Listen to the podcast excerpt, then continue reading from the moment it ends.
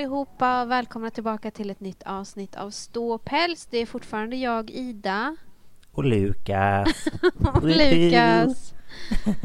Ah, nu Ja. hörni, blir det avsnittet som skulle komma förra veckan. Kommer nu. Det kommer nu. Och ni har Ja. väntat och väntat. Oh. Ja, jag som hoppas att ni har väntat. Mhm. Ja, det blev ju inte riktigt som vi hade tänkt förra veckan. Nej.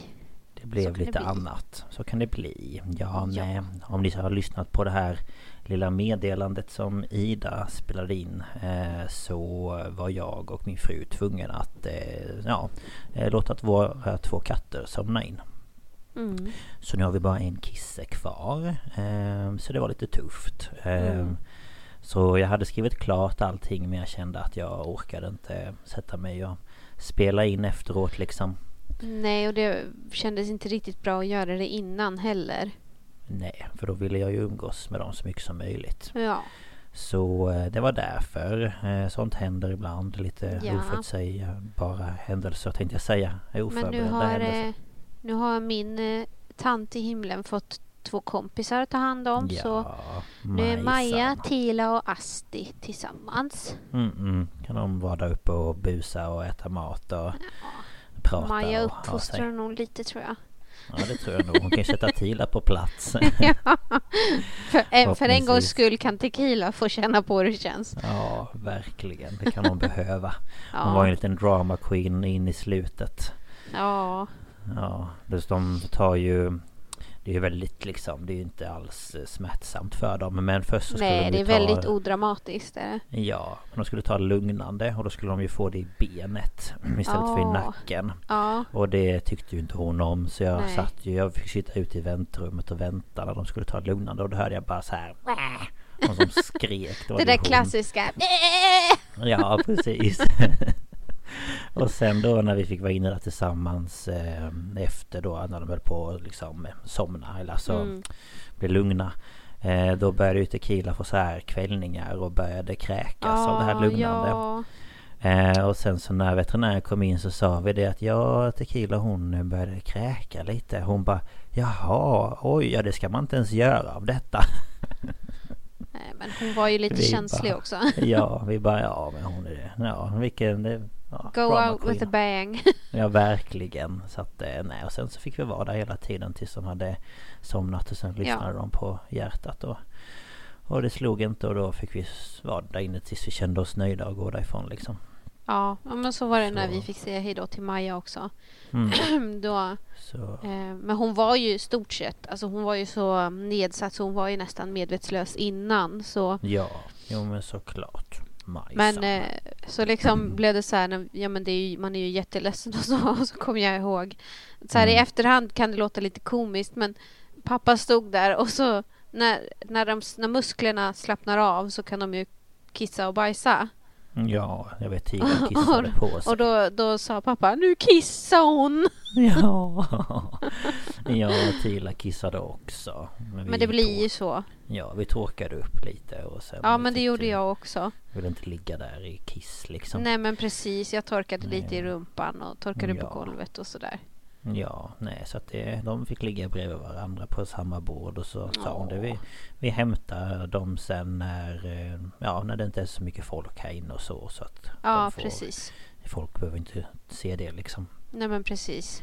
Så att eh, nej, det, det var väl tufft men i slutändan så känns det som rätt val. De var ju sjuka båda två så. Mm. Mm, så, så är det. Vi får eh, hitta någon kompis till Bacardi så han inte blir ensam och ledsen. Mm. Men också kommer att hälsa på. Ja, jag hörde det. Kim sa Mm. att Jag tror nog att det komma. kommer bli roligt. Ja, det tror jag nog. Just nu går han rundor och funderar lite var de är någonstans. Man, man kan ju undra om han kanske är lite snällare nu där då bossen inte är mm, en det grinig. kanske han blir. Ja, det kan jag nog tro att han skulle kunna vara. För han var ju att- typ bara sur för att Tequila var sur. Mm, ja, han var ju det. Men eh, Tequila var ju sur på allt och alla. Ja, typ. Ja, ja lite så. Men, Hon var sur på sig själv ibland också tror jag. Ja, det tror jag också. Hon var nog irriterad på, på sig själv också. Ja. Men, eh, nej, men så, så är det. Eh, Så Mm. nu idag så ska vi spela in förra veckans avsnitt. Idag är det Mm. måndag alltså, veckan efter. Ja. Eh, Och det här kommer väl då komma ut när ni lyssnar på det så är det nog tisdag om jag har tur. Ja. Ja. Ehm, och, Men sen så kommer ju eh, såklart det ordinarie avsnittet på torsdag.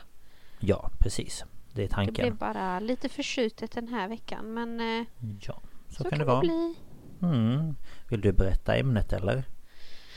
Ja. Du bara, vad är det nu för ämne? ja, jag vet inte riktigt vad, vad vi kallade det men jag tänker typ eh, havskatastrofer. Eller liksom Ja, typ olyckor till havs eller... Ja, i havets djup som spöktimmen kallar det. Ja, precis. Inte riktigt... Eh, eller ja... Mitt minne är en katastrof skulle man kunna kalla det för. Mitt är både och kan man säga. Mm. Mm.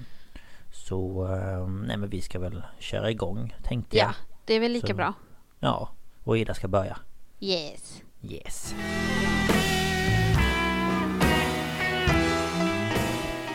Då, som vi sa så är det jag som ska börja. Mhm. Och eh, jag valde det här ämnet för att eh, jag för några år sedan blev lite intresserad av så här militärhistoria. Inte andra världskriget, för det är så... Det är ganska uttjatat kan man säga. Ja, jo det ju det.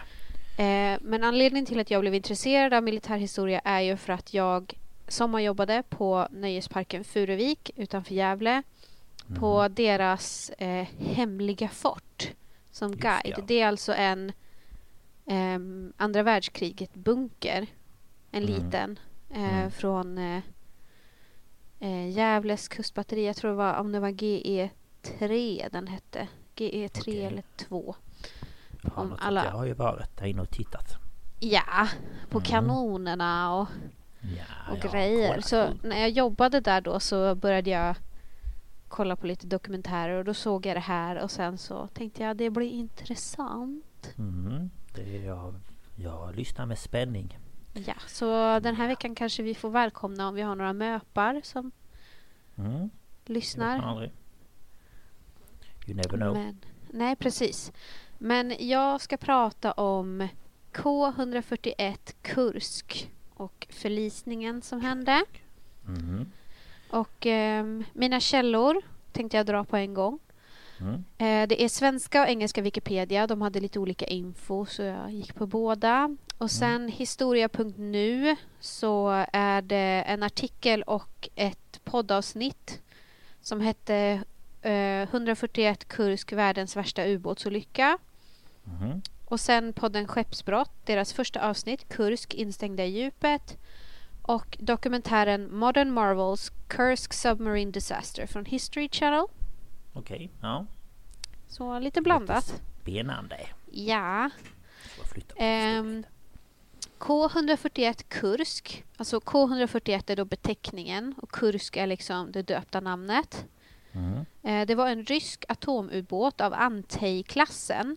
Och Antey det är den ryska versionen av Antaios som är Poseidons son i Ah, grekisk okej. mytologi.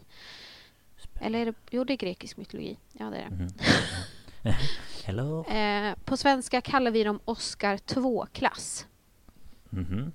Det är väl lite olika sådär. Ja. Mm. Eh, den tillhörde norra flottan och Mm. den var namngiven efter staden Kursk som eh, är känd för ett stort pansarslag i juli 1943 då den röda armén vann en viktig seger mot nazisterna.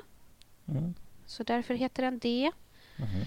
Eh, hon byggdes 1992 och sjösattes 94 och tjänstgjorde från december 94 till augusti 2000. Mhm. Okej. Och eh, jag har en tabell här med lite eh, ja, fakta, så här, storlek och så. Mm. Hon var 155 meter lång. Det är som två eh, Boeing 747 Tror jag. Okej. Ja. eh, så såna här passagerarflygplan Två sådana. på längden. Okej, ja. Eh, hon var 18,2 meter bred och eh, 9 meter hög. Det står djupgående, men jag antar att de menar hög. ja. Det lär det ju vara. Eh, vid ytan så... Det här är någonting man mäter då som kallas för displacement eller outplacement, tror jag man säger på svenska. Mhm. Och det är alltså den här äh, Arkimedes princip som man mäter hur mycket vatten någonting tränger undan för att få veta fart, eh, någontings vikt eller liksom massa. Mm, just det, ja. Och vid ytan så var det 13 400 ton. Oj. Men då sticker ju liksom en stor del av ubåten upp. Mm, ja, sant. Och i undervattensläge så vägde hon 16 400 ton. Mm, det är ju en del. Det går inte att greppa alltså. Nej, verkligen inte. 16 000 ton. Ja. Ja, det var mycket. Eh, I maskinrummet så fanns två stycken kärnreaktorer av modell OK 650B. Två ångturbiner och de, hon hade två stycken sjubladiga propellrar som då fick henne att åka framåt. Ja, inte bakåt då. Nej, Kan man backa med en ubåt? Det borde man ju kunna göra. jag vet faktiskt inte. Kan man backa med en båt? Det kan man kanske. Ja. Ja, jag vet inte. Jag är så okunnig när det kommer till Ja, båtar och annat. Jag går bara efter vad som står här. Ja, ja men det är bra. Ehm, I ytläge kunde hon gå 16 knop och i undervattensläge 32. Mm. Eh, Besättning bestod av 44 officerare och 68 värnpliktiga. Och eh, hon var ju ganska kraftigt bestyckad då med 24 stycken SN-19 P700 Granit sjömålsrobotar. Alltså 24 stycken sjömålsrobotar. Mhm. Och fyra stycken 533 mm torpedtuber och två stycken 650 mm torpedtuber. Okej. Det är alltså ganska stort. Ja, jag är inte helt säker på vad det är för någonting men... Alltså eh, de här millimetrarna är ju hur eh, diam- alltså diametern. 650 millimeter i diameter. Mhm, ja då är jag med. Yes, Eh, och eh, hon var ju då eh, at- atombestyckad Mm, Okej, jag som jag har förstått det. Mm. Och drevs ju av, det är det man kallar atomubåt som drivs av kärnreaktorer. Mhm. Ja, då. Nu kopplar det lite mer i min hjärna. Ja. Ehm, hon var en av den ryska flottans största och mo- modernaste ubåtar. Och Mm. eh, här har vi en annan då, för att få det i perspektiv hur stor hon var, så var hon motsvarande en och en halv fotbollsplan och hög som ett fyravåningshus. Oj. Mm. Jäklar. Och eh, det fanns till och med en bastu och en pool ombord. Nej, men... ja, det är ju lyx. Så den var huge. Ja, det är så svårt att greppa att en ubåt kan vara så, så stor att man liksom är där under vattnet och så går man och badar i en pool. Ja, den var ju inte stor, men det var en pool. Ja, De kunde simma ja. liksom lite grann sådär. Mm. Ja, det är häftigt. Och hon hade dubbla skrov och hon ansågs vara osänkbar och eh, det vet man ju att man aldrig ska säga om någonting. Nej, det mm, har man ju hört förr. Ehm, trots att hon var så pass eh, flashy, eller vad man ska säga, så eh, genomgick den sovjetiska flottan stora nedskärningar redan under 80-talet. Ehm, för att, ja men, mot eh, Sovjets fall då 91 så började det märkas hur dålig ekonomi Sovjet hade. Mhm. Och då fick då till och med eh, flottan som var deras stolthet fick ju dra på, på sina grejer. Jag förstår. Eh, det var ju kalla kriget där så att eh, Ryssland hade ju en enorm flotta. Vi var ju kända för vårt flygvapen om jag minns rätt. Mhm. Ja, det tror jag Eh. vi har. Och vi vet ju hur lite vi har kvar. Liksom. Inte så mycket. Nej. Nej. Eh, men eh, i alla fall så blev ju underhållet av materiell blev ju eftersatt och Mm. lönerna till besättningar kunde bli flera månader försenad.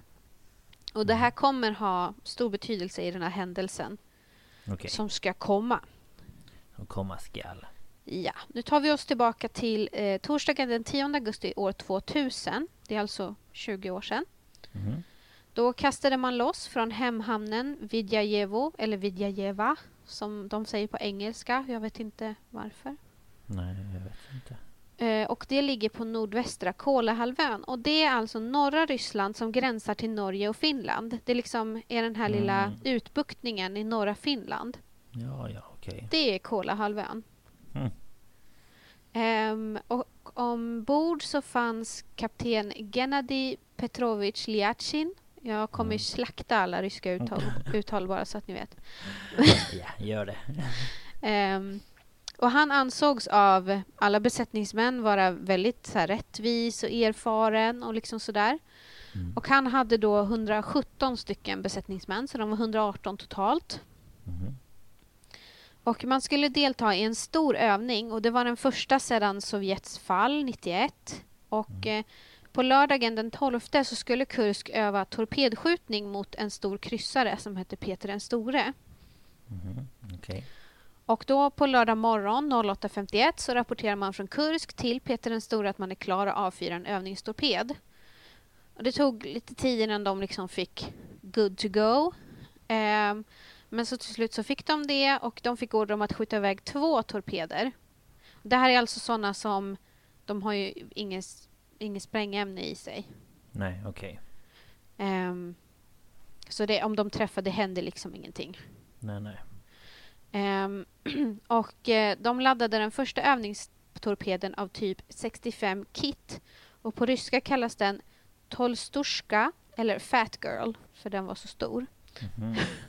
Fat girl. ja. Man bara, ja. Eh, man stoppade den i torpedkammare 4 på styrbords sida, alltså höger sida. Mhm. Eh, och den här torpeden var 10,7 meter lång Oj, och vägde ungefär 5 ton utan stridsspets. Men gud. Förstå vad de väger när de faktiskt är Fulla med grejer. Ja, när, när, det, när det är en riktig och inte en övning. Fem ton. Men alltså, Alltså, 10 det är meter det är en ju buss. skitlångt. Det är en buss. Och den ska man skicka iväg. Ja. Åh herregud. Men så är det ju typ från ett fyravåningshus också. Jo, sant. Men ändå. Det, är- ja, det, det är galet. Ja, det, det går inte att ta in. Alltså det. Nej. Nej. Eh, klockan 11.29 så registreras seismografer i Norge någon typ av skälvning i Barents hav. Det är alltså havet där, norr om Mm. oss. Norr om eh, oss. ja. Och man, den mäter upp 1,5 på Richterskalan och det är inte så här jättemycket. Nej. Det liksom händer ganska många sådana skälvningar runt om i världen hela tiden. Mm. Eh, och den här platsen var nordöst om Murmansk och ungefär 25 mil från liksom närmsta norska ort och ungefär 8 mil utanför Kolahalvön. Mm. Om jag har förstått rätt. Mm. Och bara två minuter och 14 sekunder senare mäter man upp en mycket större skälvning på samma plats. Och den beräknas vara 250 gånger större än den innan. Och Oj. mätare ända i Alaska känner av den. Jaha. Och den här var en 4,2 på Richterskalan och motsvarar en explosion av 2 till 3 ton TNT. Oj. Det var ju lite skillnad. Och data visade att detta hände på samma djup som havsbottnen. Mhm. Mm. Alltså det, det är ju... Mm. ja, det, det går inte. Jag kan inte ta in såna här mått. Det är som när mina bröder pratar om sitt jobb och bara Ja. Åh, men vi tog ju en sån här, vad de, de här bytena, de jobbar på stålverk och så bara ja men det är ju 40 ton smält stål. Man bara jaha. eh, Vad mycket är det? Va? Ja, nej men det går inte. Nej det går inte. Nej, havsbotten. Man bara hur djupt är det? Vad finns det där nere? Uh. Ja, nej usch. Eh, besättningen på ubåten Karelia, de känner ju av det här. Mhm. Eh, men de tror att det bara är övningen. Och på Peter den store märker man också för hela skeppet så här skakar till. Mhm. Eh, och man väntar på de här övningstorpederna men ingen kommer ju. Och man rapporterar till flottans högkvarter men man blir ignorerad. Okej. Jaha. Eh, och sluttiden som Kusk hade på sig att avfyra eh, de här torpederna var 13.30. Och eh, har man då inte sett någonting eller hört någonting så ska man kontakta ubåtens besättning men man får inget svar. För att om en ubåt är under vattnet så är det ju jättesvårt för signaler att komma fram. Mhm.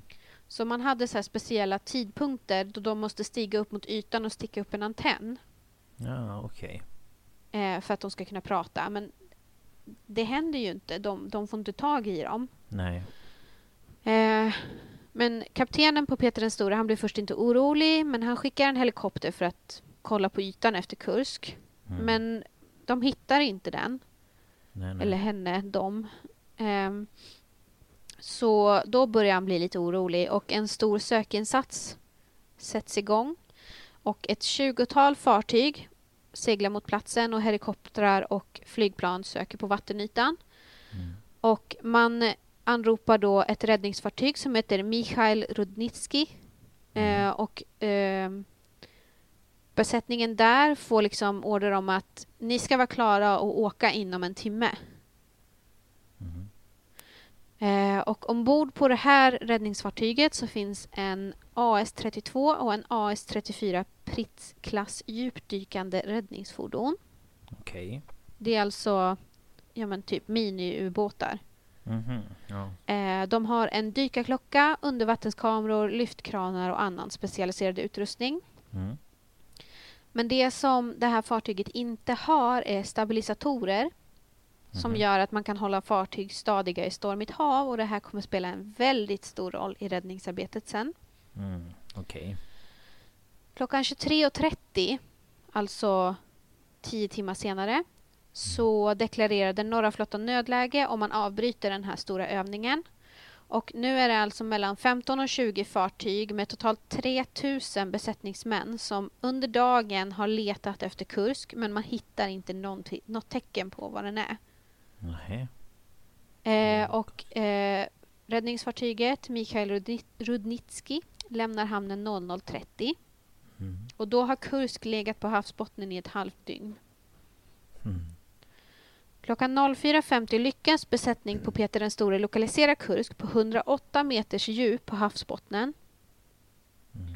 Och räddningsfartyget anländer till platsen klockan 9. Och medan man lägger ankar så hör besättningen ombord vad man tolkar som ett SOS från ubåten. Okej.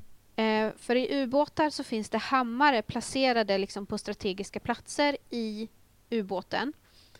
Och det är för att man ska kunna, vid en olycka, om man inte kan ta sig upp till ytan, ska kunna slå på den på vissa ställen eh, på skrovet för att kunna meddela omvärlden om att man lever. Mhm. Och då använder de morsealfabetet. Okej. Ja. Eh, och då kan man meddela om så här, vad är det som har hänt, hur många lever, är det skador, hur länge man tror att syret räcker, sånt Mm. där. Okej. Ja. Eh, och det är alltså de här, såna här knackningar som de tycker sig höra. Men det visar sig senare att det är Kursks ankarkedja som slår mot dess skrov Aha. och inte meddelande från överlevare. Nej, nej. Ja. Eh, och klockan 11.30 så förbereder man på Mikhail Rudnitsky eh, att, för att för, då man förbereder att sänka ner den här AS-34 sån här eh, räddningsubåt. Mm. Och eh, det tar ju tid att förbereda den så den eh, sänks ner 17.30 Mm. och en timme senare på ett djup av ungefär 100 meter och med en hastighet på två knop, det är ungefär 3,7 kilometer i timmen, Okej. så rapporterar man att eh, man krockar med ett föremål. Och genom ett fönster så ser besättningen Kursks propeller och akterstabilisator. Okej. Men den här ubåten skadas ju Mhm. och då måste man ta upp den igen. Mm. Så då förbereder man AS-32 och Mhm. klockan 22.40 så skickar man ner den och den börjar leta efter Kursk. Men de hittar den inte för de har fått felaktiga koordinater Ja, men det är ju bra. och kommer tillbaka upp till ytan klockan 01 på måndag Mhm. morgon den Mm. 14 augusti. Eh, och man har då eh, försökt kalla till sig så många räddningsmänniskor och grejer som möjligt. Så en Mm. räddningsboxerare som heter Nikolaj Chiker anländer tidigt Okej. och de har djupvattenkamerautrustning. Mm. Ehm, så de kan ta de första bilderna av ubåten. Och bilderna visar allvarliga skador från bog till torn. Och tornet är ju den här, Där uppe i vattnet eller? ja, alltså den här lilla grejen som sticker upp. Mm.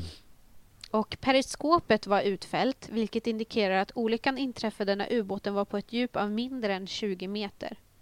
Mm, Okej, ja. Eh, under tiden så reparerar man den här första AS-34 och man sänker igen ner den vid 05 på måndagen. Mm. Och vid 06.50 har man försökt att fästa ubåten vid Kursks bakre lucka. Och det är så att de här har liksom som en... Jag tror att de förklarar det som en kjol Mhm. som de kan... De sätter sig på, på ubåten vid där det är en lucka. Och så kan de pumpa ut vattnet som är i den här kjolen. Och då blir det ett vakuum så de sugs fast och så blir ju det som en, en sluss. Mhm. Så att man kan då öppna till ubåten Mm. och så kan folk då klättra ut och in i den här räddningsubåten. Ja, ja, ja. Men de, de lyckas inte. Det går inte att skapa den här tätningen som var nödvändig. Och eh, som jag sa så är ju underhållet eftersatt så att batteritiden är jättedålig. Okej. Så de måste åka upp. Och Ja. de har inga reservbatterier så de är, hela, de är tvungna att vänta på att batterierna ska laddas. Nej men alltså. Ja, herre min. Under tiden så blir det storm och vindarna ökar med 10 till 12 meter per sekund. Eller Mm. från 10 till 12 meter per sekund till 15 till 27 meter per sekund. Mm. Lite skillnad också. Och eh, vågorna stiger ju och eftersom räddningsfartyget inte hade, stabilisatorer så tvingas man att avbryta. Jaha. Det är Ja. helt fantastiskt. Ja, det här går bra känner jag för dem. Ja. Mm. Bra jobbat. Ehm, det första officiella meddelandet om olyckan gjordes av ryssarna måndag den 14. Och de berättade att Kursk hade, Kursk hade haft eh, citat mindre tekniska svårigheter Mm. Ja, jo, visst. och att ubåten hade sjunkit ner till havsbottnen. De hade etablerat kontakt med besättningen och pumpade luft och kraft till båten och alla ombord lever. Hur vet de det? Nej men de ljuger ju. Ja, jag vet. Det är det jag menar. Hur fasen skulle de kunna veta det?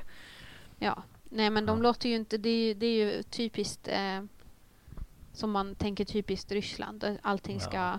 Men det är ju roligt. eh, Jag tänker, de har ju nära och kära de som är där nere. För då blir det ju för falska förhoppningar. Ja. Mm. Snällt. Ehm, högre officerare i den ryska flottan de erbjöd en rad förklaringar till olyckan. Och fyra dagar efter att Kursk sjönk uppgav ryska flottans befälhavare och flottadmiral Vladimir Korjedov att olyckan hade orsakats av en allvarlig kollision. Mm. Ehm, och vice premiärminister Ilja Klebanov sa att ubåten kanske hade träffat en gammal andra världskrig krigs, eh, gruva. Varför står det det? Det är ju mina det ska vara. Gruva? Det är konstig översättning på något tror Jaha. jag. En, en sån här undervattensmina, du vet. Ja, ja, ja. Mm. Han sa också att nästan alla sjömän hade dött innan fartyget träffade bottnen. Mhm. Så eh, Mm. de får ta och bestämma sig. Ja, jag känner det. Lever alla eller alla döda? Jag vet inte. Jag Eh, och det här är ju precis... Jag tror att va, han, han hade inte ens varit president i en månad, eh, Vladimir Putin. Mhm. Och han är på semester i Sochi, i Mhm. sitt eh, sommarhus. Och eh, han är så här, ska jag komma hem eller? Och de bara, nej, nej, nej, det är bättre om du låtsas som att allt är okej. Stanna på semester du. Mhm. Så när han väl kommer hem så är han så här solbränd och "Åh, jag känner mig utvilad och fräsch och familjen bara, vad fan håller du på med? Ja, Så att hans start som president blev ju inte... den bästa Skitbra. kanske. Nej, jag känner det. Men sen är det ju dumt av dem att de ljuger ju för honom. Ja, Inte för att jag tycker... men det är ju för att de är rädda för repressalier. Ja, såklart. Eh, För det, det är också en, en stor del i att man inte rapporterar eh, att underhållet inte sköttes och grejer. Det är för att man vill inte få skit för någonting som man håller Nej. tyst. Ja, såklart. Ehm, dåligt väder och vågor på typ 3,7 meter. Starka undervattensströmmar och begränsad sikt eh, försämrade räddningspersonalens förmåga att eh, genomföra fler räddningsförsök. Eh, men på tisdagen så sänkte Mikhail Rudnitsky en dykarklocka två gånger men de lyckades inte ansluta till Kursk. Mm. Eh, de försökte och misslyckades med att manövrera ett fjärrmanövrerat fordon, en sån här ROV, Mm. som någon typ eh, de använde för att undersöka Titanic och sånt också. Mm. Ja, ja. Eh, men de, de klarar inte av det heller. Så skickar de ner den här AS-34 igen. Men den skadades när den slog i en bom när den skulle ner i vattnet. Men alltså, vad håller de på med? Så den fick ju tas ombord, repareras Mm. och starta om. Men alltså. Och samma dag, tre dagar efter eh, sjunkningen, så anländer ett kranfartyg som heter PK 7500. Mm. Och de har lite mer men, eh, men, men, men, Mm. lite mer manövrerbart Ja. eh, fordon som heter AC36. Det är alltså en liknande. Mhm. Okej. Men vädret gjorde att de inte kunde använda den. Nej, nej. Så man bestämmer sig då på det här uh, kranfartyget att men vi åker tillbaka till kusten och så sticker vi ner den där och sen boxerar vi den till platsen. Mhm. För då, då behöver de inte sänka ner det när det gungar och med risk för att det ska slå sönder. Mm. Ja, jag tänker så. Ehm, så de bestämde sig för att göra det. Mm. Eh, och på onsdagen, den 16 är vi på nu, Mm. så försökte man återigen fästa AS-34 eh, på Kursk, men det gick inte. Nej. Och när man kom upp till ytan och man lyfter upp det på fartyget så skadas dess framdrivningssystem allvarligt. Så därför... Eh, därför... Därför. Eh, då började man ta delar ifrån den här andra AS-32. Okej. Eh, för, för de hade inte delar, de var tvungna att ta från den för att laga den andra. Mhm. Och såklart så mm, var det inga insatser som skedde under tiden. Nej, nej. Eh, Men då kommer det här eh, PK 7500 från kusten. Och eh, de lyckas inte heller haka fast eh, eller suga fast sitt fordon på Kursk. Nej. Och en av räddningskapslarna skadas av stormen. Jaha. Ja. ja. Det här går så jäkla bra. Ja, men visst. Eh, på torsdagen klockan 12 rapporterar Popov. Eh, han är kapten, tror jag, på Mm. Peter den store. Mhm. Mm. Jag tror det. Mm. Eh, han rapporterar i alla fall till marinens generalstab att ingen explosion hade inträffat på Kursk, att underdelen var intakt på havsbottnen och hade ett yttre inflytande, och att ett yttre inflytande kan ha orsakat, orsakat, kan jag prata, tack.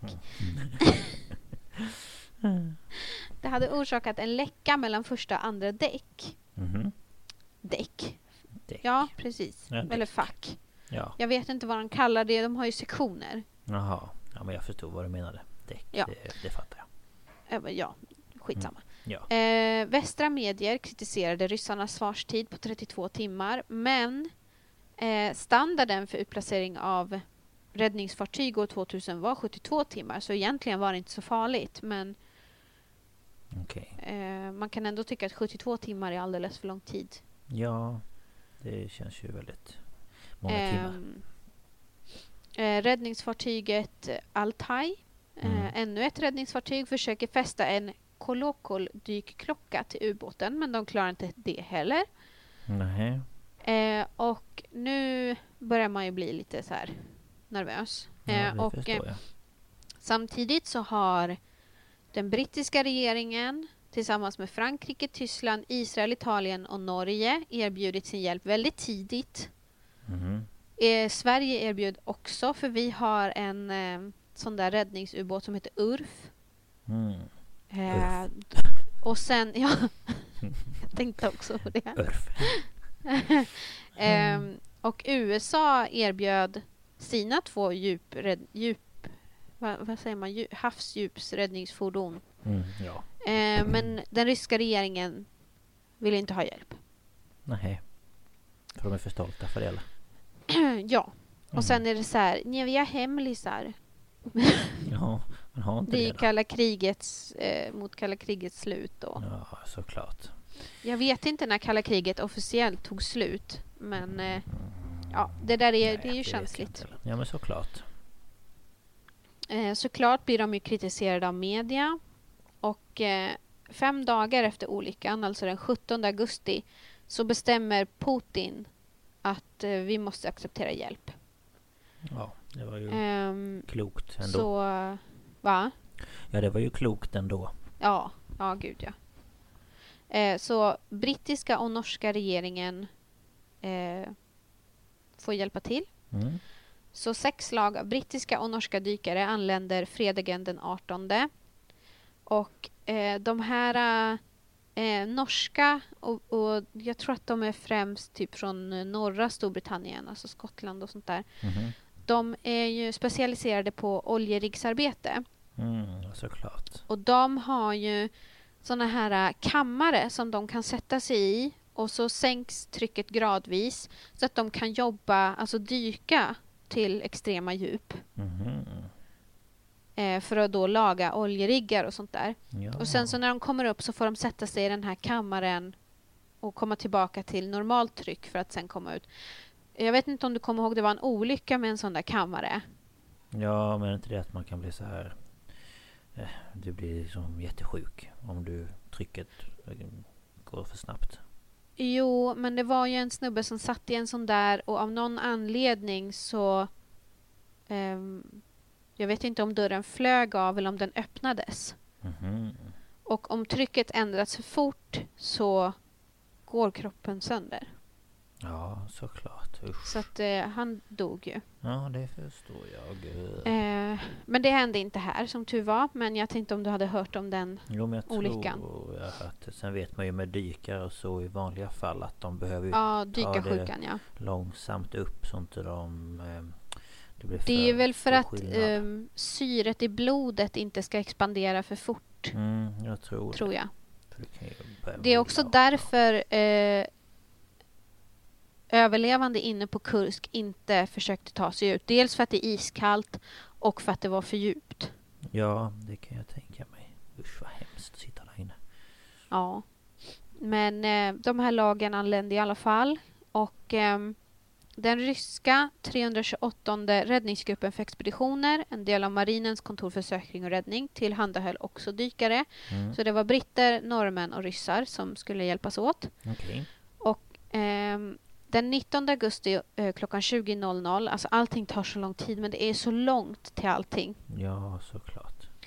Då anländer det norska skeppet Normand Pioneer Mhm. med den brittiska räddningsubåten LR5, ja LR5, jag tänkte säga 15. Mm. Ehm, och nu har det gått sju dagar sedan olyckan. Mm. Ja, det är ju ett tag. Och på söndagen då så sänker man ner den här uh, ROVn som den, ka- de kallar det. Mm. Eh, det är väl så här Remote Operated Vehicle, tror jag det står för.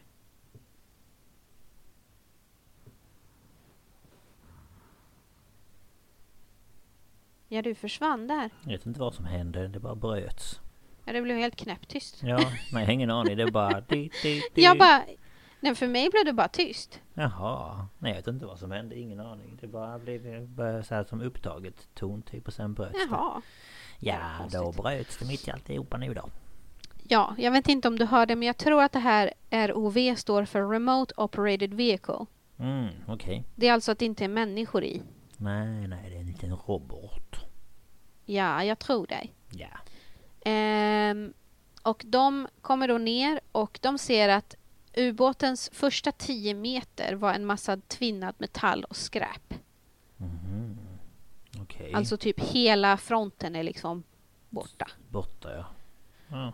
Ehm, och på morgonen på måndag, eh, måndagen den 21 Mm. så hittar man räddningsvägen, alltså den här eh, flyktluckan, den är full med vatten. Och Aha. då tappar man ju allt hopp. Ja, såklart.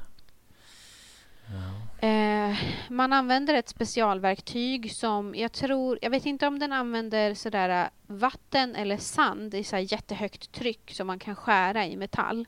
Mm. Ja. Men de kom i alla fall in för, det är dubbla luckor eftersom den här hade dubbla skrov. Mm. Så man kommer in för, eh, innanför den inre luckan och då släpper man ut en stor volym luft. Mhm. Men det, analyser senare visar sig att det var inte tillräckligt med syre för att någon skulle ha kunnat överleva. Nej, okej. Eh, och man sänker in en videokamera på stång och man kan se flera kroppar. Mm. Eh, så nu bestämmer man att de norska dykarna, eftersom det inte finns någon möjlighet att någon lever så behöver man inte vara försiktig längre. Nej, okej. Så då bestämmer man att de här norska dykarna ska skära hål i skrovet men bara ryska dykare får gå in. Mhm. Ehm, och de gick då in och eh, det var mycket damm och aska i då avdelning 9 Mm. som de tog sig in i. Mm. Och de eh, arbetat sig liksom stegvis eh, in och ner två våningar och där hittar de befäl eh, Sergej Smigin och resterna av kapten, kaptenlöjtnant Dmitrij Kolesnikov. Okej. Och eh, alla hade tydliga brännskador som man hittade.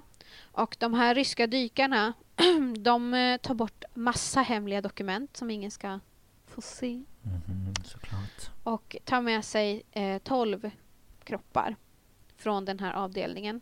Oj, ja. Usch. Och ehm, den 21 augusti, när de då har bekräftat verkligen att ingen lever, Mm. så meddelar stabschefen för den nyska flottan eh, att eh, då allmänheten att Kursk är översvämmad och att alla besättningsmedlemmar har dött. Mm. Ja, det hade man ju nästan räknat med.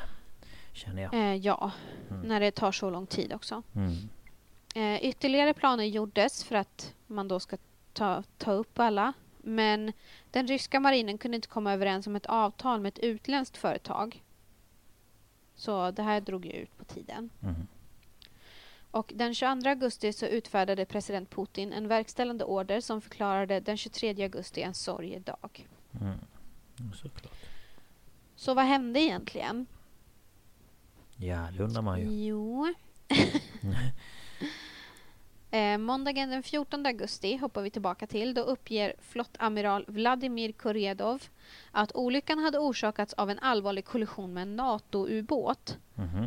För man höll då koll för man visste att ryssarna skulle göra en övning. Ja, Men han hade inget bevis för det här. okej. Och eh, högre befälhavare för den ryska flottan upprepade det här falska påståendet i mer än två år efter katastrofen. Mhm.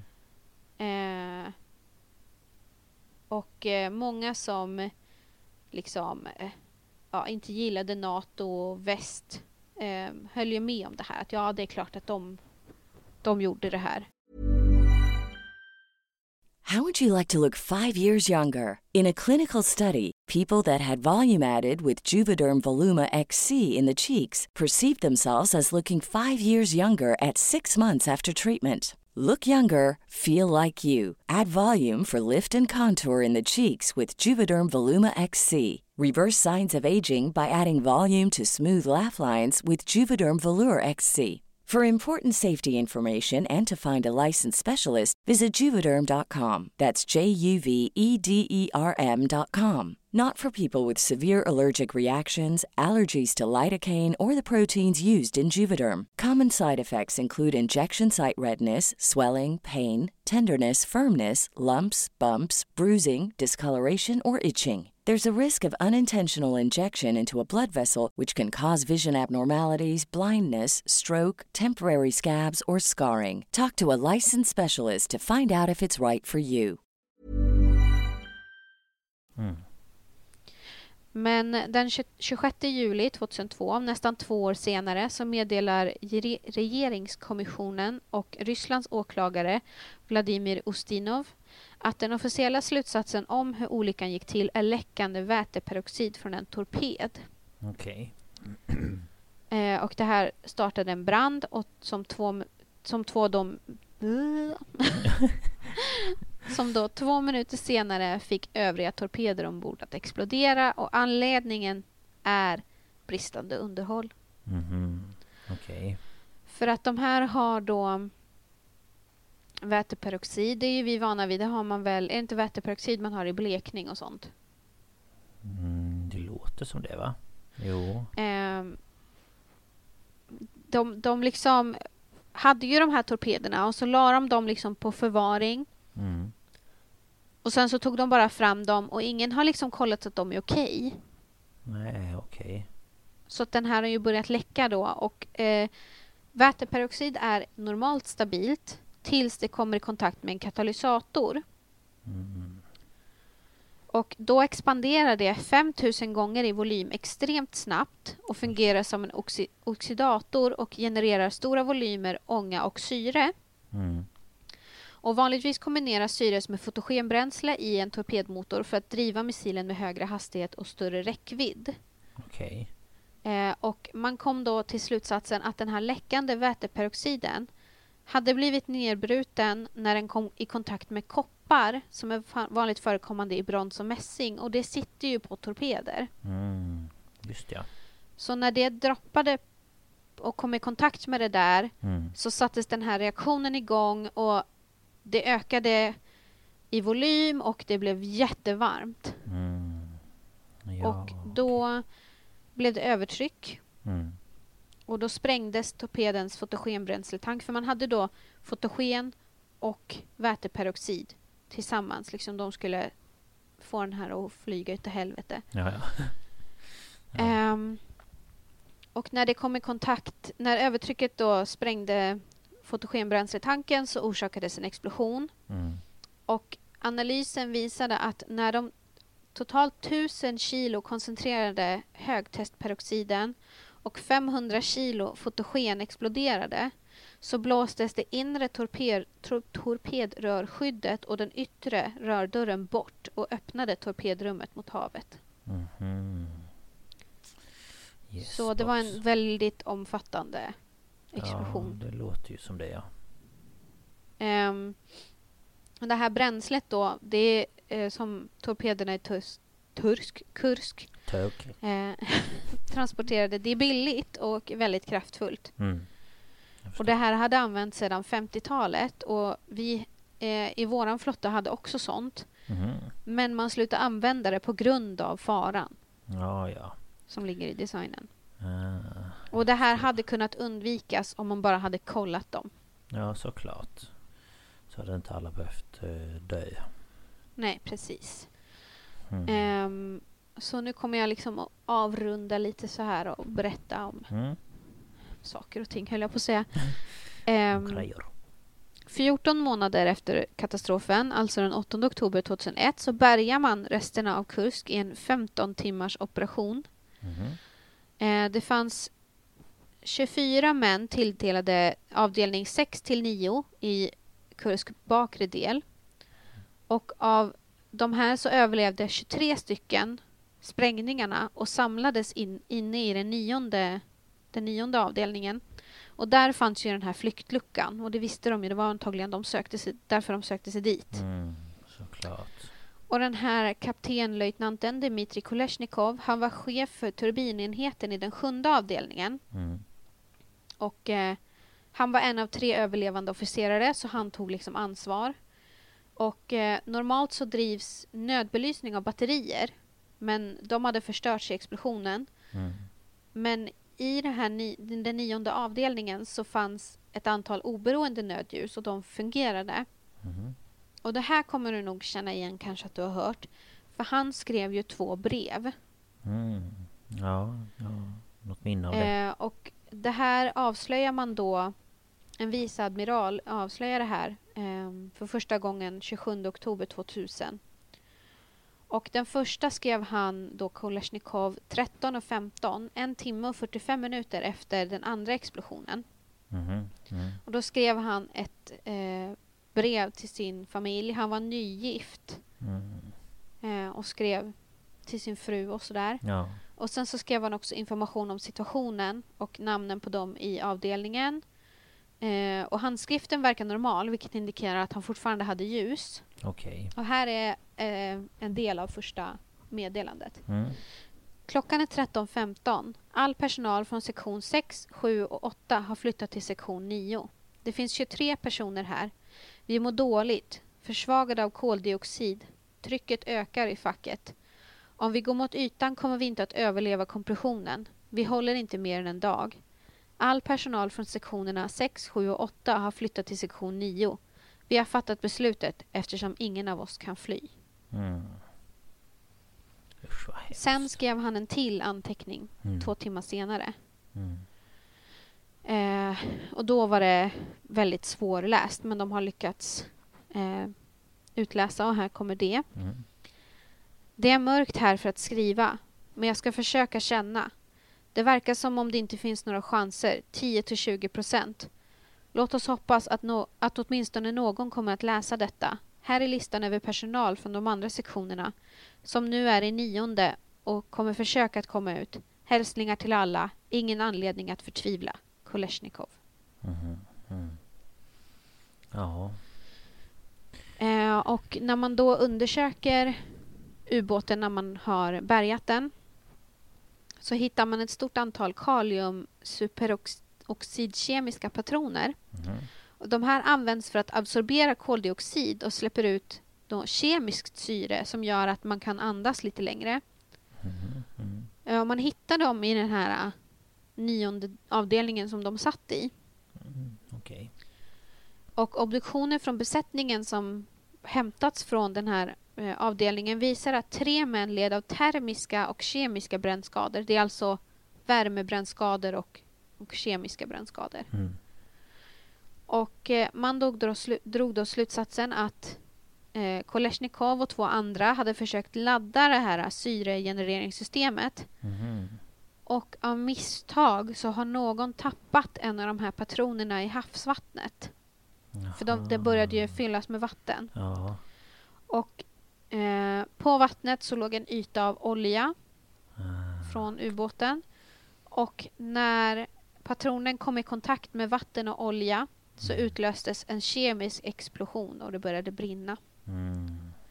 Och Kolesnikovs buk brändes av syran och hans inre organ exponerades. Ja. Och köttet på huvudet och nacken avlägsnades. Nej. Oh. Och eh, man kan se att vissa män tillfälligt överlevde elden genom att kasta sig under vattnet. Mm. För man kan se att eh, brandmärken på skotet eh, Mm. det visar att vattnet låg ungefär midjehöjd. Okej. Men det som hände är ju att den här explosionen förbrukade allt syre som var kvar. Ja, såklart. Så männen som fortfarande levde, de dog ju av kolmonoxidförgiftning. Mm. Ja. Och vatten fortsatte ju komma in och när dykarna då öppnade det här facket och den här luften som kom ut, Mm. den innehöll bara 7% syre. Mhm. Ja, det var ju inte så mycket. Nej. Nej. Ehm, kropparna som återhämtats från den nionde avdelningen var, de var ganska lätta att identifiera. Mm. Eh, de som kom ifrån det tredje, fjärde och femte facket eller avdelningen, de hade skadats allvarligt av explosionen. Mm. Och kriminalteknisk undersökning av två dödsfall i reaktorkontrollrummet som man hittade i avdelning 4 visar omfattande skelettskador. Och det visar då att de har fått eh, ta emot en explosiv kraft på över 50 G. Oj. Eh, och det här betyder ju då att det är alltså tryckvåg liksom. Mm. De skulle omedelbart ha blivit handikappade eller döda. Ja, ja. Eh, en sjömanskropp hittas inbäddad i taket i fack 2 Jaha, oj. och tre besättningsmäns kroppar förstördes fullständigt av explosionen och elden och man kunde inte rädda någonting från deras kroppar. Nej. Oj då. Ja, det var ju... Det är Mm. väldigt eh, våldsamt. Ja, verkligen. Det låter så här... Ja, fräta upp magen. Nej, usch. Ja. Ja, fy fan. Eh, utanför hamnstaden Severodovinsk, där ubåten byggdes, så uppfördes en stor granitplatta på sanddynerna och det är graverat med denna sorgliga sten är satt till minne av besättningen på kärnkraftsubåten Kursk som tragiskt dog den 12 augusti medan han var på militärtjänst. Mm. Eh, andra minnesmärken byggdes i Moskva, Sevastopol, Nizjnij Novgorod och Severomorsk. Mhm. Och ett minnesmärke uppfördes på Serafimovskij skoje kyrkogården. Jag är jättedålig på ryska alltså. Jag har ingen Eh, aning heller. Det är i alla fall i Sankt Petersburg. Mm. Där eh, ligger 32 besättningsmännen begravda. Okej. Och i staden Kursk, där, som då eh, ubåten döptes efter, så gjorde man ett minnesmärke gjord på fragment av skrovet. Mhm. Och den 17 mars 2009 så hittar en journalist som heter Tatjana Abramova, Ab, Abramova Mm. eh, från tidningen Murmanski Vestnik. Eh, hon eh, hittade Kursks torn på Mm. en skrot. Mhm. Och Mm. den hade lämnats där efter att flera år av förhandlingar inte lyckats samla in de beräknade 22 000 euro för att göra ett minnesmärke. Nej, okej. Och när hon skrev om det här så blev det ju ramaskri bland medborgarna. Ja, Och eh, de krävde att det skulle förvandlas till ett minnesmärke. Mm. Så efter massa tjafs hit och dit så invigdes till slut minnesmärket. Mm. Eh, söndagen den 26 juli 2009 på Rysslands marindag. Och den placerades på observationsdäcket i Frälsaren på vattenkyrkan i Murmansk. Alltså den heter Church of eh, the o- Savior of the Ocean eller någonting. Okej. Mhm. Och det här är alltså hemmahamnen Ja, ja. eh, och platsen, platsen för en flottbas. Mm, jag förstår. Och eh, den 31 juli 2012 så placerar dykare som representerar anhöriga till Kursk besätt, Kursks besättning Mm. eh, och kommandot Norra flottan. De placerar ett ortodox kors på eh, havsbottnen på platsen för katastrofen. Mhm. Häftigt. Ja. Det är lite coolt. Och fint. Ehm, och jag måste bara berätta. ehm, man, får se, man har fått se och hört eh, ljud också från när det är en mamma som totalt skäller ut ehm, folk när hon, när hon menar på att de gör ingenting och de ljuger. Hon, Mm. Hennes son var med i Kusk. Mhm. Och hon står och skriker och hon kallar dem för allt möjligt. Mm. Och så ser man hur en kvinna det ser ut som att hon typ ska krama henne. Ja. Och sen så ser man hur den här kvinnan faller ihop. Och det är alltså att istället för att försvara sig eller liksom ta att hon är upprörd så gav de henne lugnande. Nämen. Så det var så man behandlade dem. Och de fick ju så här, ja men typ ersättning. Ja. Men det var ju typ en, alltså det var ju ingenting. Jag, jag tror att det motsvarade typ max 10 000. Men alltså. Men sen har de fått mer om jag har förstått rätt. Okej. Ja det är ju bara det men ändå. Ja, nej du får lugnande för att vi kan inte ta hand om dig. Du, du är för jobbig. Ja men känns inte också det väldigt så här ryskt? Jo, faktiskt. Förlåt om det är någon ryss som lyssnar som tar illa vid sig. Men eh, det är så här vi Mm. upplever det. Ja, det känns lite så kanske. Tyvärr. Eh, Mm. Men eh, ja, fy vad hemskt. Jag har ju så här, jag är ju... Jag tycker ju inte om öppna hav. Jag tycker inte om hav på natten. Och jag tycker inte om att inte se vad som är under mig i vattnet. Mm. Så att bara tanken av att vara fast i en ubåt på havsbottnen och inte kunna ta sig ut. Eh, bara det får ju Nej, mig alltså att jag- få panik. Det, här, det här ger mig liksom panik på flera nivåer. Ja. För jag tycker det är obehagligt med för stora fordon. Mm, Eh, jag har klaustrofobi. mm. Min största rädsla är typ att fastna på ett skepp och drunkna. Jag borde inte titta på Titanic och så Nej. vidare. Inte, Och jag är livrädd för kärnkraft. Ja just ja. ja. Men alltså det var ingen läcka av eh, kärnreaktorerna slog av automatiskt. Så det Mm. hände ingenting med dem som tur är. Okej men det var ju bra det i alla fall. Men alltså det här är ju en Ja, mardröm på mardröm på mardröm. Ja så nej. Och, och sen att Det är du mörkt och kallt och blött.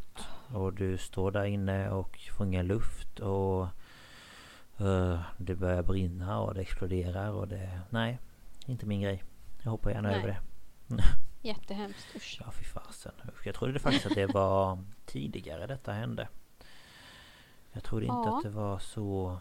Så att säga sent men ja du fattar vad jag menar. Ehm, Jo, jo, men man tänker att det kanske var på typ 80-talet. Ja men lite så. Men ehm, ja, det är väldigt spännande. Jag har ju inte... Mm. Jag har ju hört om det såklart. Men det är ingenting som jag har Mm. liksom satt mig in i.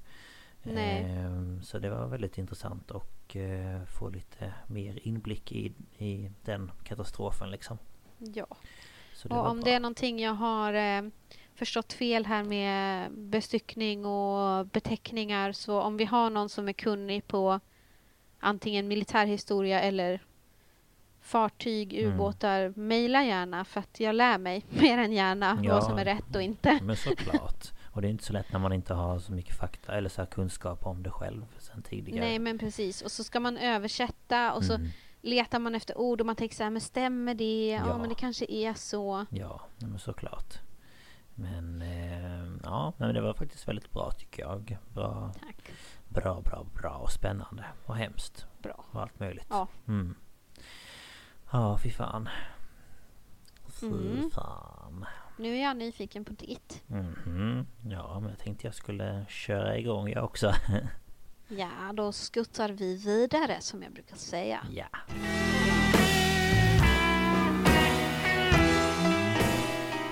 Jag ska ju då prata om eh, katastrofen på Tjörnbron.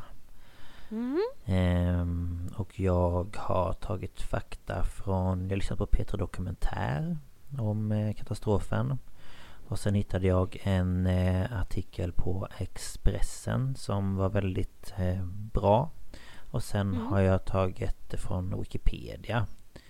Ehm, Mm. Så det är ja, där jag hittat mest fakta. Mm. Ehm, ja, för 40 år sedan den 18 januari 1980 klockan 01.29 på natten så körde fartyget Star Clipper på Tjörnbrons bågrör och slet ner hela den 278 meter långa vägbanan eh, mellan brofästena. Eh, vid tidpunkten för olyckan rådde mörker och dimma med sikt på eh, 200-300 meter och det norskägda och Liberia-registrerade bulkfartyget Star Clipper var på väg från Fredrikstad till Uddevalla. Eh, varvid Almösundet måste passeras. Eh, farledens användbara bredd under bron det var beroende av fartygets största höjd. Eh, och det anges då för Star Clipper med en masthöjd på cirka 33,5 meter till 135 meter. Jag vet inte riktigt hur det fungerar men... Eh, Nej. Ja, det var väl någon variation där på något sätt. Ja. Eh, och Star Clipper det var 172 meter långt. 26 meter brett. Eh, och hade en lastförmåga på 27 450 dödviktston. Eh, Mm. Och det är alltså ett mått då på ett fartygs maximala lastförmåga och det är då själva lasten, bränsle, förråd, besättning och passagerare och så vidare. Mm. Eh, och det hade då kommit ur kurs och hamnat till vänster om farleden. Eh, och senare så hävdade man att roderfunktionen hade slagits ur. Eller Mhm. ut säger man kanske. Eh, Almöbron som den egentligen hette eh, var konstruerad som en så kallad bågbro och nästan hela det 200 meter långa mellanspannet vilade på en båge. Mm. Och när lastkranarna då på fartyget hakade i eh, och slet loss rören så gav bron vika och föll ner över kommandobryggan och ner i vattnet. Åh, herregud. Yes. Eh, och det här brofallet då, det kom som en chock för besättningen ombord på Star Clipper. Eh, och besättningsmännen ombord flydde under däck och var sekunder från att krossas. Åh men gud. Ja, alla maskiner stoppades och elen blev utslagen och en del av vägbanan blev liggande kvar på fartyget. Mm. Eh, de 31 männen ombord sprang sedan ut på däck för att få syn på skadornas omfattning.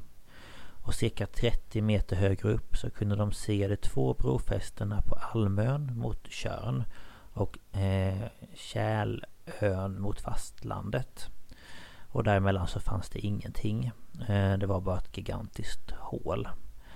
Ja. Eh, och besättningen förstod snabbt att en katastrof eh, var runt hörnet. ja, fy fan alltså. Yes. Eh, och bara några minuter senare så kom en bil körande från fastlandet och körde över brokanten. Då föraren inte i tid han uppfatta att bron nu inte längre fanns.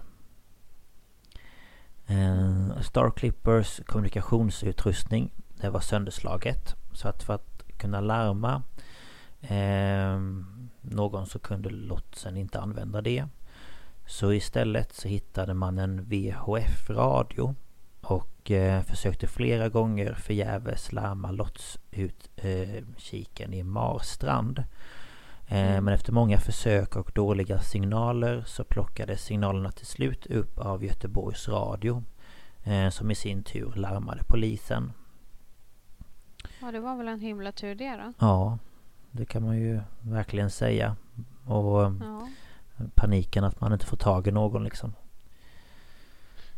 Ja, fy fan alltså. Ja, usch. Ehm, och besättningen, de stod på fartyget och såg bil efter bil störtade 40 meterna från bron ner i det mörka och iskalla vattnet.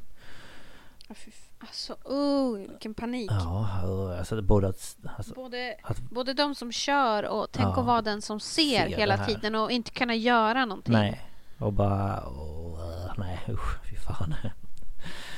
Eh, från fartyget så skickade man i alla fall upp flera nödraketer för att varna bilisterna eller i alla fall eh, pocka på deras uppmärksamhet. Mm. Eh, Jon Bendik, eller Bendik, eh, var telegrafist.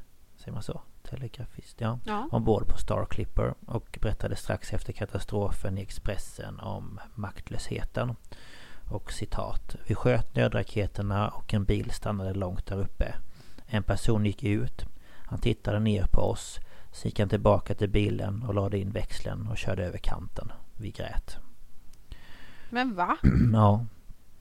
Och jag vet inte om den här personen eh, inte uppfattade vad som hade hänt. Eller om den bara ja, ville. Jag vet inte. Nej, det det är lite konstigt. Ja, ja verkligen. Eh, och fastlandssidan spärrades av efter cirka 15 minuter tack eh, vare att en lastbilschaufför eh, trots mörker och dimma hann upptäcka faran. Och han var då på väg till Mollösund med tung last och på grund av det dåliga väglaget med mycket snömodd så körde han med begränsad hastighet i uppförsbacken mot bron. Eh, för att då inte ha för hög hastighet i den kommande nedförbacken. Mm. Och vägbanan var så smal att han körde så nära räcket eh, som möjligt och såg plötsligt räcket ta slut på båda sidorna längre fram. Mm. Så han stannade cirka 10 meter från brokanten för att gå ut och titta och insåg då faran. När han såg en bil från Tjörnsidan närma sig försökte han desperat blinka med helljuset för att varna men det hjälpte inte. Mm. Eh, besättningen räknade till tre personbilar som föll rakt ner i det nollgradiga vattnet. Därefter följde en lastbil med trailer som sakta gled över kanten. Eh, besättningen förstod att de var tvungna att snabbt ta sig upp på bron för att förhindra flera dödsfall. Och tiden var dyrbar och fler fall från bron var oundvikliga. Mm. Eh, så man slängde sig snabbt i en livbåt med eh, aktiesnurra för att ta sig in mot land. Men runt livbåten så trängdes bland, som trängdes bland isflaken som var 4-5 cm tjocka. Ehm, så citat, vi rodde och startade motorn, berättade då den här Jon Bendik. Men kom mm. inte igenom isen. Strömmen tog oss och isen stoppade oss. Vi slet som djur i en timme innan vi tvingades ge upp. Ja, men det förstår man ju. Ja. Bara så här maktlösheten liksom. Ja. Eh, och Tjörnsidan kunde spärras av först efter cirka en timme. Eh, när besättningen såg en lastbil närma sig så försökte de skjuta nödraketer för att varna för faran. Lastbilschauffören stannade men uppfattade ändå inte faran och startade igen och körde över kanten. Eh, totalt var det åtta personer, samtliga män, som omkom. Mm. Och jag tänkte berätta lite om offren för jag har inte sett så mycket om det. Jag har Nej. mest bara hört om själva eh, katastrofen. Men mm. eh, ja, jag tänker jag tänker berätta det strax. Men först så ska jag säga att brandingenjören Kjell var Walinger var en av dem som förklarade vad som händer när en människa i en bil faller 40 meter mot ett vattendrag. Han säger då att det blir en fruktansvärd krock. Man slås genast medvetslös. Med största sannolikhet så landar fordonet med taket först. Kraften från smällen gör att rutorna sprängs och vattnet forsar in. Och bilen blev snabbt Ja. vattenfylld. Ja, det är väl som att köra in i en vägg. Ja, alltså det måste det ju vara. Alltså vatten är ju jättehårt. Och det är så kompakt. Ja. Eh, och en annan expert fyllde på med att förklara att om någon till eh, ja, men har överlevt då fallet så skulle chocken från det iskalla vattnet försvaga en samtidigt som trycket från det omgivande vattnet skulle bli för stor för att man skulle åka öppna dörrarna och ta sig ut. Mm. Så oavsett vad så hade du inte klarat sig, eller klarat dig. Nej, alltså då ska man ju vara redo att ta sig ut på en gång man eh, hamnar i vattnet liksom. Ja, Alltså det, och det hinner man du ska kanske inte ha bälte på dig. Du, Nej, typ det bästa hade varit om du hade typ eh, vet du, rutan ner eh, rullad men det har man ju inte på vintern. nej, precis. Ehm, men ja, i varje fall det yngsta offret i olyckan det var Nils Johan Nilsson. Som bara var 20 år gammal. Eh, och det var han som satt i lastbilen när både lastbilen och släpet tippade över brokanten ner i vattnet. Han hade fått jobb på sin pappas åkeri och tanken var att han i framtiden skulle ta över verksamheten. Eh, bara tre månader innan olyckan hade han tagit sitt lastbilskörkort. Eh, dagen för olyckan så var Nils Johan på väg till Kumla från Tjörn för att leverera tomma lastpallar. Och det är något som han hade gjort många gånger förr, både själv och tillsammans med sin pappa. Mm. Hans mamma hade gjort i ordning- i ordning smörgåsar till honom på kvällen innan som han då skulle ta med sig. Och han hade valt att köra lite tidigare för att kunna ta en rast på väg dit och sen hinna hem till kvällen på fredagen. Mm. Och istället fick hans mamma dagen efter det tragiska beskedet att han varit inblandad i olyckan och inte överlevt. Mm. Ehm, Ett annat offer var den då 29-åriga Bo Wennersson som arbetade som instrumenttekniker och som bodde kvar i sitt föräldrahem på Tjörn. Under veckan då som ledde upp till olyckan hade han haft jouren på arbetsplatsen Unifos eller UNIFOS. Ja, Unifos. FOS. Jag känner igen det. Ja. Ja, det gör jag också men jag, jag tror man säger Unifos. Jag vet inte. Nej, jag vet I inte. Stenungsund i varje fall. Och Ja. det innebar att när ett problem då uppstod fick han ta bilen och åka iväg för att reda ut problemet. Och natten till fredagen så arbetade han sitt sista jourpass. Och då ringde de från Unifos och Bo fick sätta sig i bilen för att åka dit. Han satte Mm. sig i bilen och började köra samtidigt som Star Clipper började närma sig bron. Eh, klockan tre på natten hade Bo fortfarande inte dykt upp på arbetet, var på jobbet, ringde till föräldrarna som berättade att han hade åkt strax efter samtalet. Och när arbetarna klockan sex på morgonen fick höra nyheterna så förstod de vad som hade hänt. Mm. Så det var ju bara otur hela vägen där. Ja, verkligen. Ehm, ja. Eh, och sen var det två andra män vid namn Kai Olsson 40 år och Mikael Kabalin 44 år. De arbetade tillsammans som konstruktörer på Volvo. Och eh, de arbetade då i en grupp med fem man som umgicks mycket även på fritiden. Mm. Så när en av arbetskamraterna som heter Lennart eh, Jonsson skulle byta avdelning så bestämde de sig för att fira honom. Eller fira av honom säger man kanske. Eh, De skulle i alla fall ha lite avskedsfest. ja, precis. Eh, så på torsdagskvällen så åkte de alla hem till Lennart och hans fru på Tjörn för en trevlig middag. Och det drog ut på tiden för de började spela Monopol. Eh, och innan klockan två så bestämde sig Kai och Mikael för att röra sig hemåt. Medan de två andra arbetskamraterna stannade över. Och de satte Mm. sig i bilen och började köra mot fastlandet och mot bron. Som då varit där 45 minuter tidigare. Mm. Men eh, ja, de hade ju inte se att den var borta. Nej, alltså. Kunde det inte ha hänt när det var ljust? Ja, man kan ju tycka det. Och så är det ju liksom dimmigt och ja, usch. Ja, det är ju verkligen kolsvart på vintern. Ja, ja. Det är ju, vad är det då? Dimma. Det är ju dimma ute idag. Man ser ju inte någonting knappt. Nej. Så att eh, då kan man ju fatta när man kör bil också så kanske det är lite snö och ja, halt och ja, Ja. usch ja. Ehm, sen var det Elmer Karlsson som arbetade som busschaufför för SJ.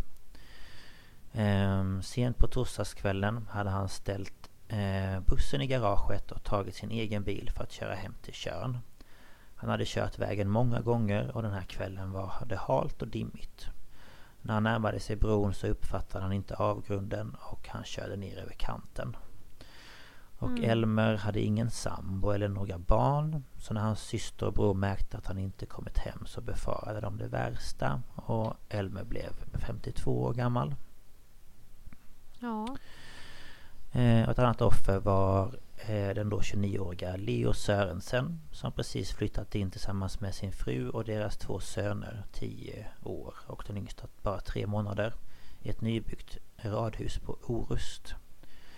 På kvällen hade han bestämt sig för att hälsa på sin svåger på fastlandet och på väg hem igen så var det då dimmigt och han upptäckte inte att bron var borta förrän han körde över kanten. Ehm, det är väldigt eh, många som eh, man känner så här varför var de tvungna att dö? Ja. Ehm, och det näst sista offret var Sune Cordenius som vid tidpunkten var 31 år. Han hade precis börjat ett nytt jobb som mekaniker och han var gift och hade en dotter på ett och ett halvt år. Och han fick ju då aldrig se sin dotter växa upp. Eh, och det sista offret var Gunnar Johansson, 37 år, som var bergsingenjör och var bosatt på Orust. Han lämnade efter sig sin fru och sina två barn, 10 och 7 år gamla. Ehm, så det var de åtta offren som dog i den här katastrofen. Ehm, ja, det är jättehemskt. Ja, verkligen. Ehm, men om det då fanns någon hjälte i det här dramat eh, så var det lastbilschauffören Jan Rosenberg. Och det var ju då han som kom från andra sidan. Ja. Rosenberg satte på bilens helljus och började gå ner för bron mot Stenungsund. Och den första bilen han stannade tillhörde polisen. Och det räddade då livet på de här två polismännen. Um, och de närmaste dagarna efter katastrofen så ville alla ha svar på vad som hänt såklart. Uh, och hur det här mm. hade kunnat hända. Och det var inte bara haverikommission, polis och räddningstjänst som letade efter en förklaring. Utan även allmänheten. Som då var Eh, jag givetvis chockade efter händelsen och sökte också efter svar. Mm. Eh, och journalister från hela Sverige hade begett sig till olycksplatsen för att ställa de relevanta frågorna. Av de två huvudpersonerna i den här katastrofen det var kaptenen på Star Clipper, norrmannen Fritz Tangen. Tangen. Eh, och, jag har ingen aning. Nej, jag vet inte. och lotsen Kai Åderman från Marstrand. Mm. Och de skulle höras av myndigheterna och hade fått rådet av sina ombud att tiga tills vidare. Och båda männen gick under jorden och gjorde sig oanträffbara. Eh, polis och åklagare hade dessutom dragit igång en brottsutredning. Och både loggboken och maskindagboken hade tagits i beslag. Mm. Eh, och kommissionen eh, varnade för att det skulle ta flera månader innan man vågade lämna någon form av rimlig förklaring till tragedin. Samtidigt så var kritiken hård mot polisen och många ansåg att eh, det agerat senfärdigt. Alltså att det tog så lång tid. Ja. Och många ställde ju sig då frågan varför hade det tagit 40 minuter att komma till platsen? Um, men det berättar de ju då i den här Peter Dokumentär att det var ju för att den enda polisen som bodde på den sidan bodde liksom en bit ifrån och skulle förbi polisstationen och hämta bil och kläder och sen köra och ja. Så det var inte så lätt. Ja. Um, och uh, Göteborgs Radio hade då uppfattat Starclippers nödrop över radion och larmat polisen. Och kusttullmästaren Ingmar Krantz från Sten Stenungsund hade också blivit uppringd.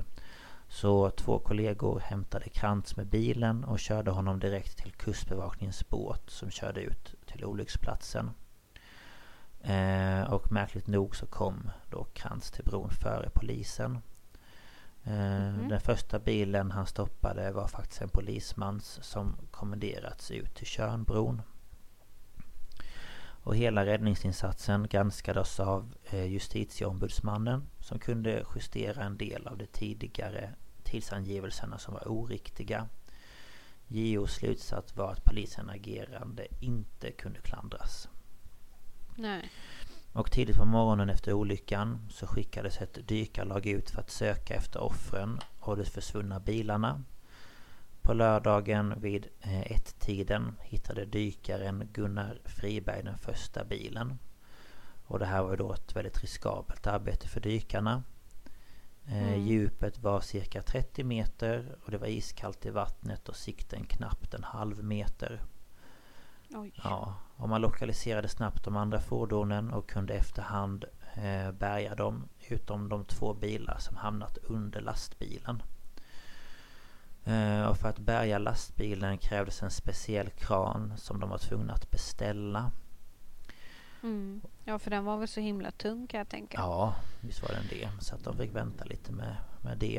Eh, och i Mm. slutet av maj 1981 så kom Statens haverikommissions slutrapport. Och den friade då lotsen och kaptenen. Eh, det var istället en serie olyckliga omständigheter som låg bakom katastrofen.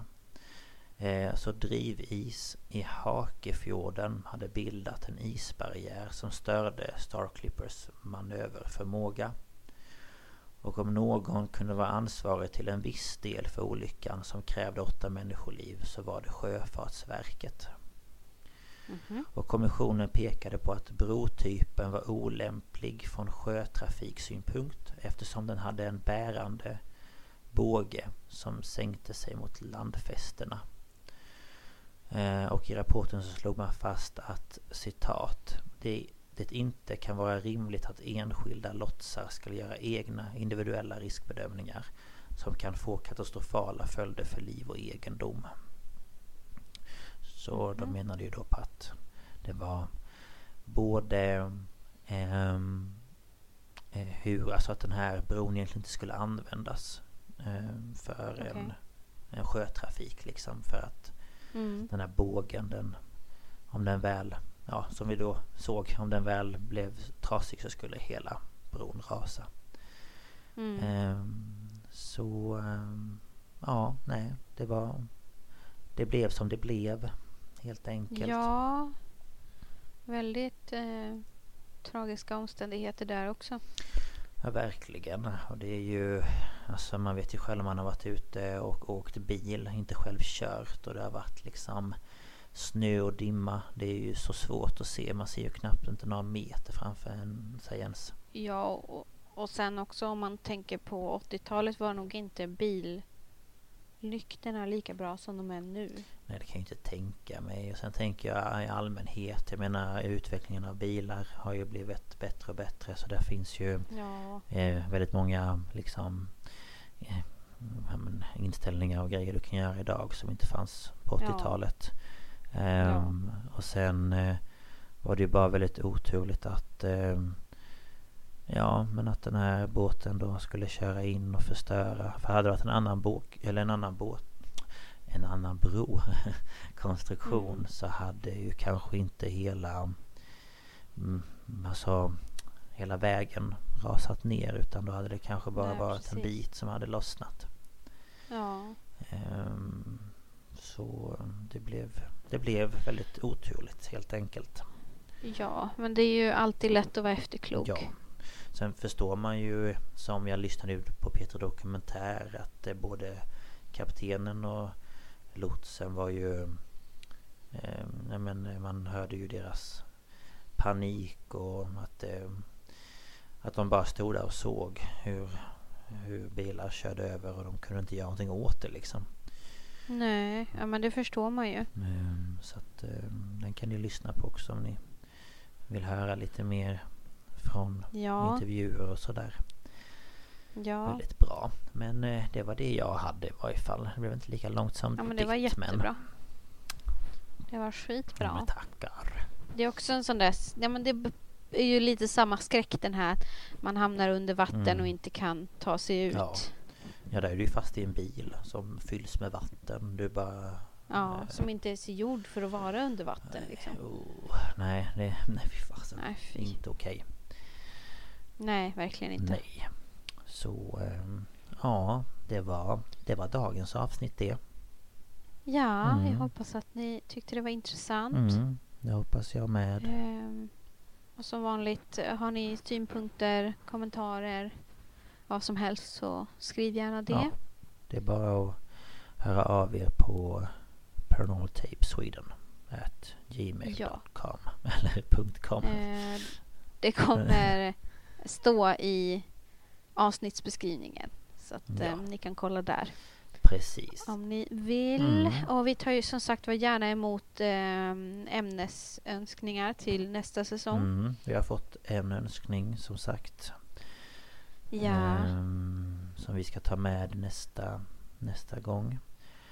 Ja. Men det är bara att höra av er. Vi blir så glada alltså. ja. Ja, och ni får gärna ge oss betyg på eh, iTunes. Nej, vad heter det? Acast Jo, och iTunes. Ja. Eh, på Acast kan ni betygsätta podden och på iTunes kan ni också kommentera. Mm, precis. Så det får ni gärna göra. Ja. Eh, det är jättekul att någon lyssnar och, eh, Mm, det tycker jag. och så. Och så ja. Men eh, Ehm. ja. Tack för oss. Jag tror inte jag har något mer att säga. Nej. Jag sitter bara här och tänker Ja. nu. Jag tror det var allt. Men, eh, Men, tack för att ni eh, har lyssnat. Vi hörs. Ja, tack så mycket. Vi hörs på torsdag igen. Det gör vi. Och då blir det ett eh, helt annat ämne men väldigt spännande. Ja, det hoppas jag att ni ska tycka. Ja då. Mm, Jag är taggad i alla jag fall. med. Men ha det så bra allihopa. yes, ha det bra. Hej då.